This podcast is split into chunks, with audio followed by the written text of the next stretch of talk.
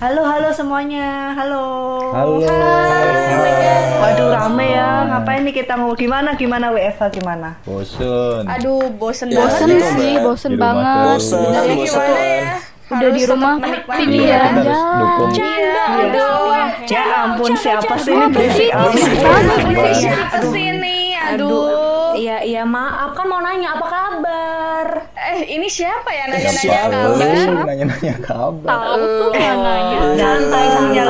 jangan kabar. jangan ngerit gitu dong kan aku grogi kan hmm, iya itu makanya di sini aku mau kenalin kalian nih sama semua yang lagi dengerin kita ngobrol ih Oh, gitu boleh banget. Oh, maaf sudah suzon. banget. Hai teman-teman yang lagi dengerin podcast ini kenalin aku Wilfrida sekarang sih sibuknya masih jadi mahasiswa ya nggak tahu besok siapa tahu udah sidang gitu aja sih Amin. Amin. Siapa lagi nih mau kenalan nih? Udah aku, Benny, aku, aku, ini aku. Halo Iya, iya, semuanya, aku Benny. Aku juga mahasiswa. Bentar lagi juga mau kelar deh. Doain aja ya. Iya. Amin. Amin. Amin. Amin. Amin. Hai semuanya, Halo. aku Nanda. Kalau yang lain masih mahasiswa, aku sekarang masih belajar sih, tapi belajar jadi budak korporat. Gimana dong? Ya nggak apa-apa. ampun. Aduh, udah yang penting berduit. Enggak ini berarti paling paling banyak cuan ini ya. Iya lanjut Halo semuanya. Halo. Jadi perkenalkan nama aku Aldo. Aku mahasiswa, tapi udah bosen sih jadi mahasiswa. Salam kenal. Deh kalau udah bosen jadi mahasiswa ya. Halo, aku Dini. Dini salah satunya yang kayaknya ibu rumah tangga deh di grup ini ya. Oh, Jadi iya, paling siap. wise kayaknya. Oke. Oh iya. Oh, Yang paling wise. Iya. Lagi kan ya?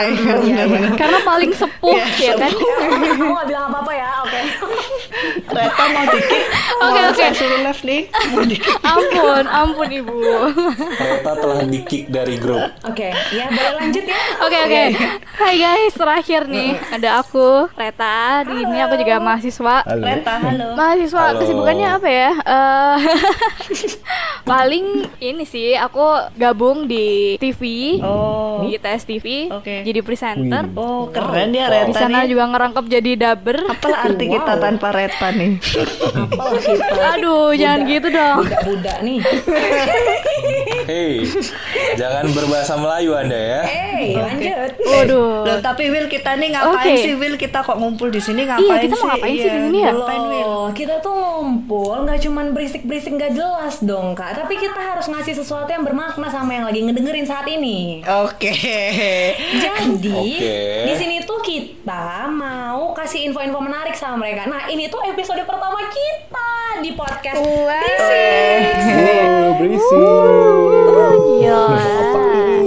Keren Mereka banget. mungkin penasaran ya, kenapa namanya berisik? Emang sih kita berisik, tapi mereka juga pasti kepo deh apa arti berisik. Coba dijelasin deh Kak Dini. Jadi Berisik ini adalah suatu podcast yang terdiri eh, anggotanya terdiri dari enam orang ya. Kita semua six. Oh, Berisik. six ya, hmm, bener Iya, banget. kita berusaha Oh, six. sharing hal-hal Six, yang enam gitu ya berisi maksudnya. buat kalian semua untuk ngisi, nemenin, Wow. iya kan, buat nemenin, bisa kasih insight baru. Mantep banget. Kayaknya ada beberapa segmen sih dalam Berisik ini ya. Mungkin ada yang masih inget apa ya iya, lupa. bener, Eh, kita ada tiga segmen di Berisik ini. Yang sekarang Iya, nih segmen pertama ini kita mau bahas soal kayak hal-hal yang hype, seru, yang kekinian gitu kan. Nah mungkin ada dua segmen Iya. lagi lupa sih aku apa dong. Seingat aku nih, kita tuh mau ada segmen bahas this or that, bener gak sih? Jadi kita bakalan Oh kayak eh, ngebanding-bandingin gitu membandingkan ya. gitu, mau Iya, milih, bener. iya kita mau bandingin mau milih ini atau itu gitu. Terus satu segmen lagi nih apa ya? Bentar deh, aku inget-inget. Bentar. Ada yang inget nggak segmen satunya lagi apa? Itu loh. kayaknya inget deh. Ada, ada, ada. Jadi satu Iya, iya, segmen Kak lainnya itu kita ngebahas dua sudut pandang. Misalkan satu isu dibahas dari dua sudut pandang, yaitu Hmm? dari sudut pandang orang yang usia 20-an karena kita ada yang usia 20-an dan juga sudut pandang orang 30-an kayak Kak Dini ini. Oh, tapi Reta masih 17-an, Kak. Iya, apa-apa. oh, Udah masuk 30-an kriteria berarti ya. Saya juga sih. Umur itu cuma angka slow aja slow. Oke. Tapi emang kita mau bahas apa sih di episode pertama ini? kita langsung aja gimana untuk ngebahas? Langsung aja deh. Iya, iya, iya, buat aja. Oke. kan? Oh, Iya. boleh, boleh, boleh, boleh. Ah, Boleh, boleh. boleh.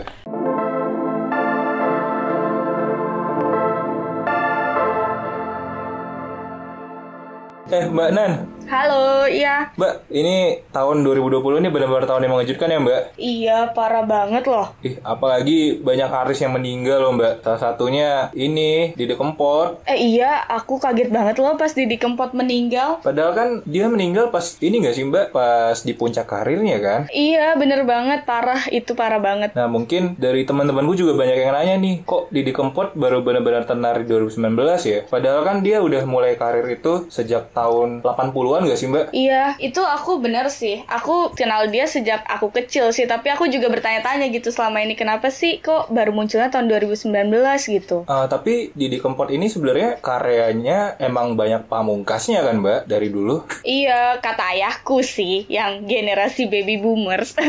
dia bilang kalau Didi Kempot dari dulu udah terkenal sih sebenarnya. Nah, mungkin eh, gimana ya Mbak? Aku kan kurang tahu nih ya karena orang tuaku nggak begitu mengenal Didi Kempot. Mungkin Mbak bisa kasih tahu dong Mbak tentang fun fact-nya si Didi Kempot itu gimana sih Mbak? Boleh, boleh banget. Eh, sekarang kita ngomongin fun fact-nya ya berarti ya. Iya Mbak. Oke, yang pertama, kamu tahu nggak sih kalau Didi Kempot itu ternyata lahir dari keluarga seniman? Tahu nggak? Wah, aku nggak tahu Mbak, baru tahu ini loh. Oh, itu juga baru tahu. Jadi itu Didi Kempot itu punya bapak namanya Ranto Edi Gudel. Gudel? Gudel? Aduh, maaf. Gudel deh kayaknya. Nah, dia tuh ternyata bapaknya itu yang biasa kita panggil Mbah Ranto itu tuh juga seorang pelawak dulu terkenal banget di tahun 90-an. Terus dia juga punya kakak yang namanya Mami Prakoso. Kalau ini sih kayaknya banyak orang tahu ya. Mami itu si- yang rambutnya catnya ini tuh kan Nah, yang Oh, cakep. ya apa sih? yang Sri Bener. Mulat nggak sih? Sri Mulat. Bener, bener nah, yang Sri Nah, Mulat tuh aku itu. pernah nonton tuh waktu kecil tuh di TV. Nah iya benar. Iya Mbak. Dulu sih dia sering banget ya kayak ngisi di ketoprak-ketoprak gitu, acara ketoprak gitu kalau nggak salah. Nah terus habis itu dia juga punya kakak satu lagi, dia juga pelawak gitu. Jadi memang dia dibesarkan di keluarga seniman. Makanya Didi Kempot dari kecil sampai akhir hayatnya juga kita kenal sebagai seorang seniman gitu. Lalu yang kedua itu Hmm. ini nih fakta yang menarik nih yang kedua. Ternyata guys, Kempot itu tuh bukan Hah? nama asli loh. Lah, Iya, ternyata bukan. kira karena lahirnya pipinya kempot Mbak. Jadi Kempot itu singkatan dari kelompok pengamen trotoar gitu. Karena dulu Didi Kempot itu mengawali karir sebagai seorang pengamen. Di tahun 80-an dia adalah pengamen, terus dia punya kelompok yang dia namai Kempot gitu. Makanya sampai sekarang ketika dia udah terkenal dia juga membawa Kempot itu sebagai identitas dari dirinya gitu. Jadi orang-orang tahu dia sebagai Didi Kempot gitu. Padahal Kempot itu bukan nama asli. Gitu. Wah. Oh, Mbak, itu kan eh, julukan dia di masa lampau ya Mbak ya? Kempot ya? iya, betul. Sekarang Mbak tahu nggak sih julukan eh, almarhum Didi Kempot dari anak muda kebanyakan apa Mbak? Eh apa sih kalau kaum kaum milenial gitu manggil dia? Nah, jadi almarhum Didi Kempot ini dipanggil dengan sebutan Godfather of Broken Heart atau Lord Didi. Oh gitu. Kenapa emang? Kenapa ya? Nah, jadi karena hampir sebagian lagu almarhum Didi Kempot ini emang bertemakan tentang patah hati atau kehilangan. Hmm gitu. Kenapa sih tapi ya Didi Kempot itu selalu nyanyi lagu-lagu yang sedih-sedih gitu. Nah, jadi kalau aku dengar-dengar dari temenku nih yang emang sangat nge-hype sama almarhum Didi Kempot, nah Didi Kempot itu emang memilih lagu yang rata-rata dialami oleh orang banyak. Nah, khususnya yang berhubungan dengan patah hati. Ya, siapa sih yang nggak pernah patah hati kan, Mbak? Mm-mm, betul. Termasuk kita semua ya mungkin ya berenam pernah patah hati. Aku Iya. nggak pernah, aku nggak Betul, pernah. betul, betul. Aku pernah, aku pernah. Aku sering. Aku juga sering. Nah, selain itu Mbak, yang aku baca-baca nih ya. Nah, jadi almarhum Didi Kempot ini udah nulis sebanyak 700 lagu loh Mbak. Wow. Dan lagunya Banyak ya. dominan berbahasa Jawa. Banyak banget ya 700 lagu tuh. Tapi aku kurang tahu sih Mbak. Itu kan aku nggak ngerti bahasa Jawa tuh. Jadi lagunya apa sih Mbak yang bahasa Jawa itu? Oh iya, ini juga fakta yang menarik tentang Didi Kempot nih yang berhubungan dengan lagu-lagunya ya. Jadi lagu-lagunya itu judulnya banyak yang diambil dari nama tempat. Umumnya sih tempat-tempat yang ada di daerah sekitar Jawa sih. Tapi Didi Kempot itu kan juga dikenal di masyarakat Suriname ya kalau kalian tahu juga. Nah, dia juga pernah loh nyiptain lagu khusus untuk masyarakat Suriname. Nah, kalau yang untuk masyarakat Suriname itu judulnya Kangen Nikire gitu. Niki Nik Nikeri deng. Sorry, sorry guys. sorry Artinya guys. apa ya? Nikeri.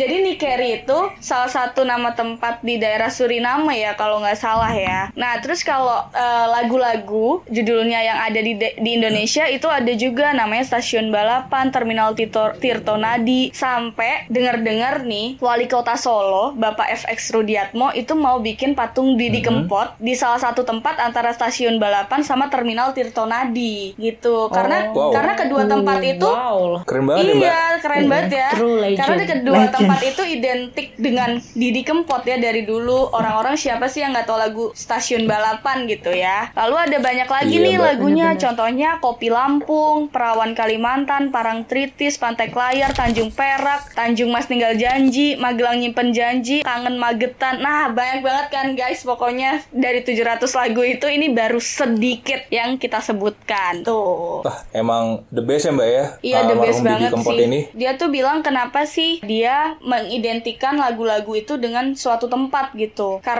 kata dia nih, dulu Didi Kempot pernah bilang kalau sebuah tempat itu pasti memiliki kenangan tersendiri bagi setiap orang. Makanya dia pengen supaya lagunya itu gampang diingat sebagai kenangan seseorang gitu. Hmm.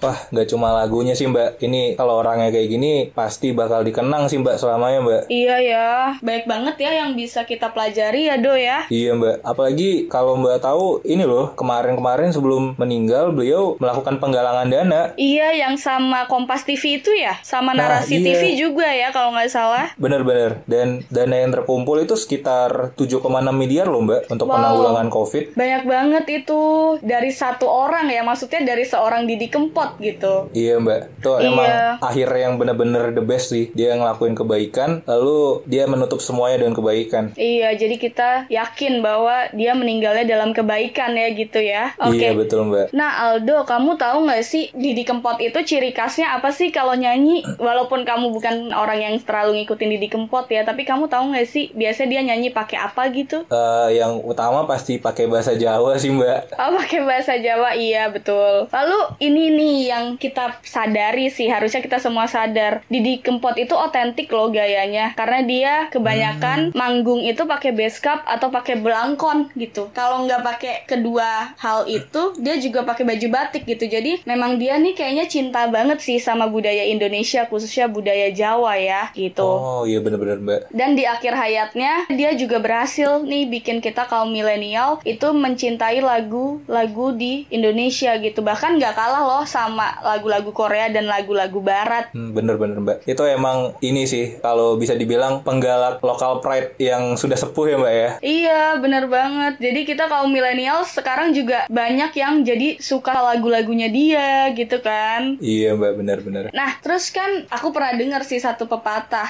Pepatahnya sih bilang kalau semakin tinggi semakin merunduk. Kayaknya itu cocok banget ya, Do, kita gambarkan untuk Didi Kempot gitu. Karena dia walaupun sekarang udah di akhir hayatnya udah sangat terkenal gitu, semua orang tahu Didi Kempot, dia tetap rendah hati dan tidak sombong gitu. Jadi Bener, banyak Mbak. juga ya artis yang cerita kalau ketika dia manggung sama Didi Kempot, walaupun artis itu artis baru, Didi Kempot nggak segan untuk menyapa mereka duluan gitu ya, Aldo ya. Iya Mbak, aku kalau ngelihatnya manggung tuh wah keren banget loh Mbak. Kayak orangnya rendah hati gitu. Iya, gitu ya. Semoga ya kita semua bisa meladan, meneladani hal-hal baik dari Didi Kempot ya, walaupun dia sekarang udah nggak ada. Tapi semoga kita bisa selalu mengenang dia gitu dan mencontoh dia. Amin.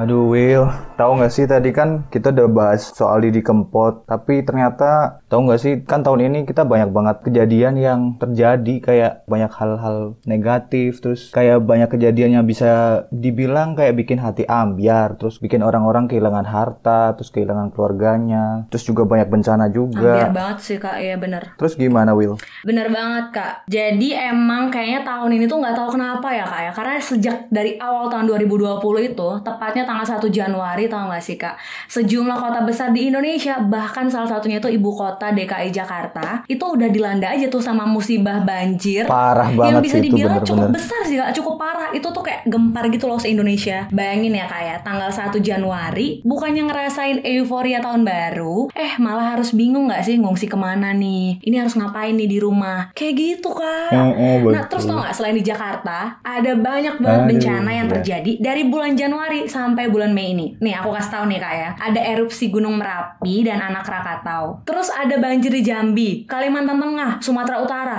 Terus yang paling baru itu kak ada banjir di Aceh dua hari lalu yang sampai merendam tujuh kecamatan coba. Bayangin dong kak. Wow, Aku tuh gila, gila bingung. Ambiar banget gak sih? Ambiar bukan karena kehilangan orang aja, tapi kejadian-kejadian ini tuh bikin hati bener ambiar banget sih kak. Nah, jadi dari data Badan Nasional Penanggulangan Bencana atau yang kita sering kenal dengan BNPB, itu tuh tercatat udah ada 1.200 bencana alam terhitung sampai dengan 7 Mei 2020. Banyak banget ya kak ternyata. Aku tuh ambiar banget 5 bulan pertama 2020 coba. Iya benar, aku juga ambiar rasanya. Jadi Will, selain bencana, Iya. tahun 2020 ini juga dipenuhi tangisan dan berita duka dari sejumlah tokoh dan selebriti dari tanah air loh. Siapa aja siapa aja tuh Kayak kak? tadi Didi Kempot juga kan kita udah tahu pasti berapa hari yang lalu. Terus ada Lina Zubaidah mantan istrinya Sule. Iya bener bener bener. Terus ada Ria Irawan. Oh my god. Terus ada Ade Irawan. banyak banget. Ada Ashraf Sinclair. Ya ampun iya benar. Yang masih iya. muda banget itu tuh. muda banget itu. mm, Suami dari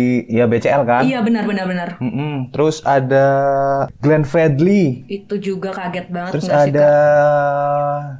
Siapa lagi ya? Oh itu ibunda dari Pak Presiden kita Pak Jokowi. Terus ada ibunya Baim Wong. Hmm, banyak Sampai yang banget. tadi ya kita udah bahas ya Didi Kempot yang terakhir itu. Iya benar-benar. Ya semoga aja sih mereka semua sudah diterima dan tenang di sisi Tuhan ya. Amin ya kak ya. sama Amin. keluarganya juga yang ditinggal semoga sekarang udah bisa berikhlas hati ya. Amin amin amin amin. Nah tapi nggak sampai di situ loh kak. Kalau tadi di Indonesia aja nih yang kita bahas, aku mau kasih tahu berita ambiar yang menarik perhatian dunia. Jadi kakak harus tahu kalau yang pertama itu ada kebakaran lahan dan hutan di Australia. Itu gempar banget nggak sih kak kemarin? Ah, iya bener Parah bener bener bener kan? aku ngalamin banget tuh. Itu kayak semuanya langsung astaga. Terus ada ini loh kak perang rudal, gencatan senjatanya itu antara Amerika Serikat sama Iran. Wadaw bahaya banget. Parah banget kan? Terus kak meninggalnya itu loh kak pemain basket legendaris, semuanya pasti tahu dong Kobe Bryant kak. Kobe Bryant ya Paling bener, parahnya bener, dia bener. meninggal nggak? Dia meninggal sama putrinya loh kak dalam kecelakaan helikopter.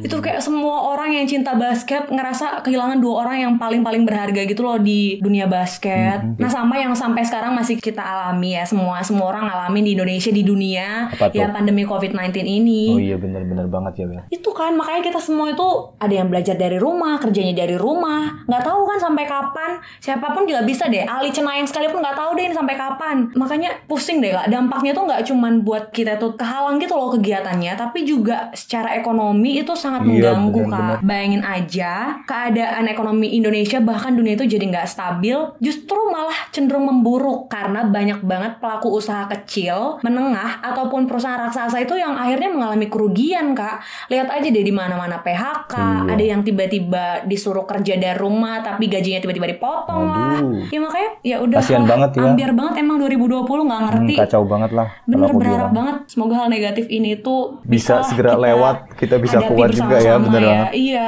bener setuju setuju setuju. Nah, tapi guys, tanpa kalian sadari tuh, sebenarnya di balik semua problematika di tahun 2020 ini, banyak banget hal positif yang bisa kita ambil. Di antaranya, dengan adanya himbauan buat work from home, kita bisa bantu mengurangi suplai polusi udara. Jadi tuh ibarat kita kita bisa kasih waktu buat bumi ini buat bernafas dan istirahat gitu loh. Benar-benar. Terus akses pembelajaran juga jadi lebih mudah karena saat ini banyak banget kan digencarkan metode webinar, ya nggak sih? Benar-benar. Nah, yang lebih menyenangkan lagi, sebagian besar dari webinar ini dibuka tanpa biaya. Banyak yang justru menjadikan webinar sebagai sarana penggalangan dana gitu loh. Dan semuanya itu tuh berbasis kolaborasi ilmu yang selama ini susah kita dapat jadi terbuka aksesnya semua jadi lebih mudah kan berbekal laptop dan sambungan wifi aja pasti udah bisa gitu loh Wah, benar sih. Ada lagi sih sebenarnya nggak cuman itu doang. Kalau kita mau lihat lebih Apa jauh lagi Mbak? dampak positifnya sebenarnya bisa ini nih. Jadi perusahaan-perusahaan tuh sekarang sudah mulai sadar akan pentingnya sistem kerja yang tepat dan baik. Nah mungkin mereka selama ini nggak punya waktu tuh. Namun karena sekarang karyawannya sudah pada WFH,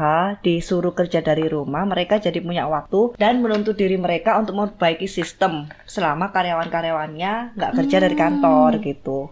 iya iya benar Sebenarnya mungkin perusahaan-perusahaan ini dari awal sudah mengamini banget sih kalau sistem kerja yang baik bisa bikin perusahaan jalannya lebih baik. Tapi mungkin mereka nggak punya waktu atau apa ya, maksudnya kayak khusus fokus konsentrasi untuk membenahi sistem di dalam perusahaan. Nah, pada saat karyawan-karyawannya sekarang kerja dari rumah nih, mereka jadi momen nih buat perusahaan ini untuk melakukan pembenahan internal. Mungkin bisa dicoba tuh untuk yang punya bisnis daripada ribut gimana cara jualannya karena susah, lebih baik membenahi internal dulu. Nah, ini salah satu hal positif lagi dari ambiarnya tadi gitu. Ih, keren-keren. Mm-mm. Iya sih, bener sih mbak. Tapi nggak nggak cuma itu juga sih. Apa nih? Dengan adanya pandemi ini tuh jiwa sosial dan tolong menolong kita juga jadi makin tinggi gitu kan. Kerasa nggak Iya sih? sih, Kerasa benar-benar. banget. Hal Iya, ini benar, tuh, benar. iya kan? Heeh, hal ini tuh terbukti dari banyaknya orang-orang tuh sekarang suka berlomba-lomba mengumpulkan donasi buat diberikan ke mereka yang membutuhkan seperti tenaga medis. Yang kita tahu banget kan tenaga medis itu kan gada terdepan gitu yang berjuang melawan coronavirus ini.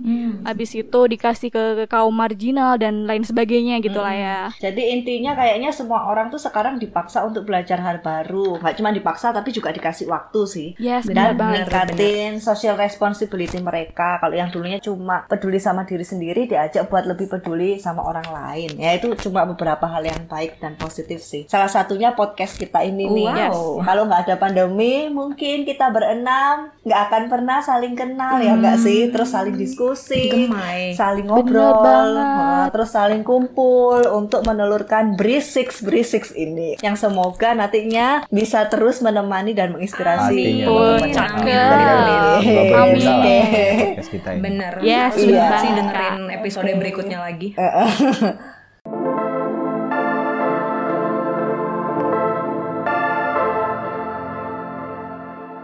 Oke guys, dari tadi kan kita udah ngomong panjang lebar nih tentang hal-hal yang ada di 2020, baik senang maupun sedihnya. Nah, apa sih yang bisa kita simpulkan dari tahun 2020 gitu ya? Tahun 2020 nyesek. ini nyesek ya, nyesek, bikin ambiar atau bahkan bikin kita nangis terus ya tiap hari ya, iya nggak sih? Iya. Kayak setiap bangun tidur tuh Aku langsung, sedih. oh god masih 2020 gitu. Iya, kan nggak lucu tiba-tiba 2021. Iya, tapi tapi tapi tapi tapi guys. Nah, kita harus inget nih, banyak orang bijak bilang, "Ye, Celah. celah, semua Kayak gua." kejadian Mm-mm. pasti ada hikmahnya." Setiap kejadian pasti ada hikmahnya. Nah, jadi percayalah bahwa di semua keambiaran kenyesekan tahun 2020 ini banyak juga hal-hal baik, hal-hal positif yang bisa kita pelajari. Aduh, bener gitu. banget sih. Thanks Oke. for reminding me. Bener sih. Tinggal gimana tinggal gimana kita nyikapinnya aja ya kan. Bener Iya, sekali. betul. Nah, kayaknya podcast kita untuk episode 1 kita coba sampai di sini dulu ya. Gitu ya, sedih dong. Nah, buat teman-teman, jangan lupa share episode ini jika kalian merasa podcast kami bermanfaat. Akhir kata, kami berenam undur diri dulu ya. Sampai jumpa di episode berikutnya dan selalu ingat, kami yang berisi tapi, Tapi tetap tetap asik. asik. Oke. See you guys. See you. See you.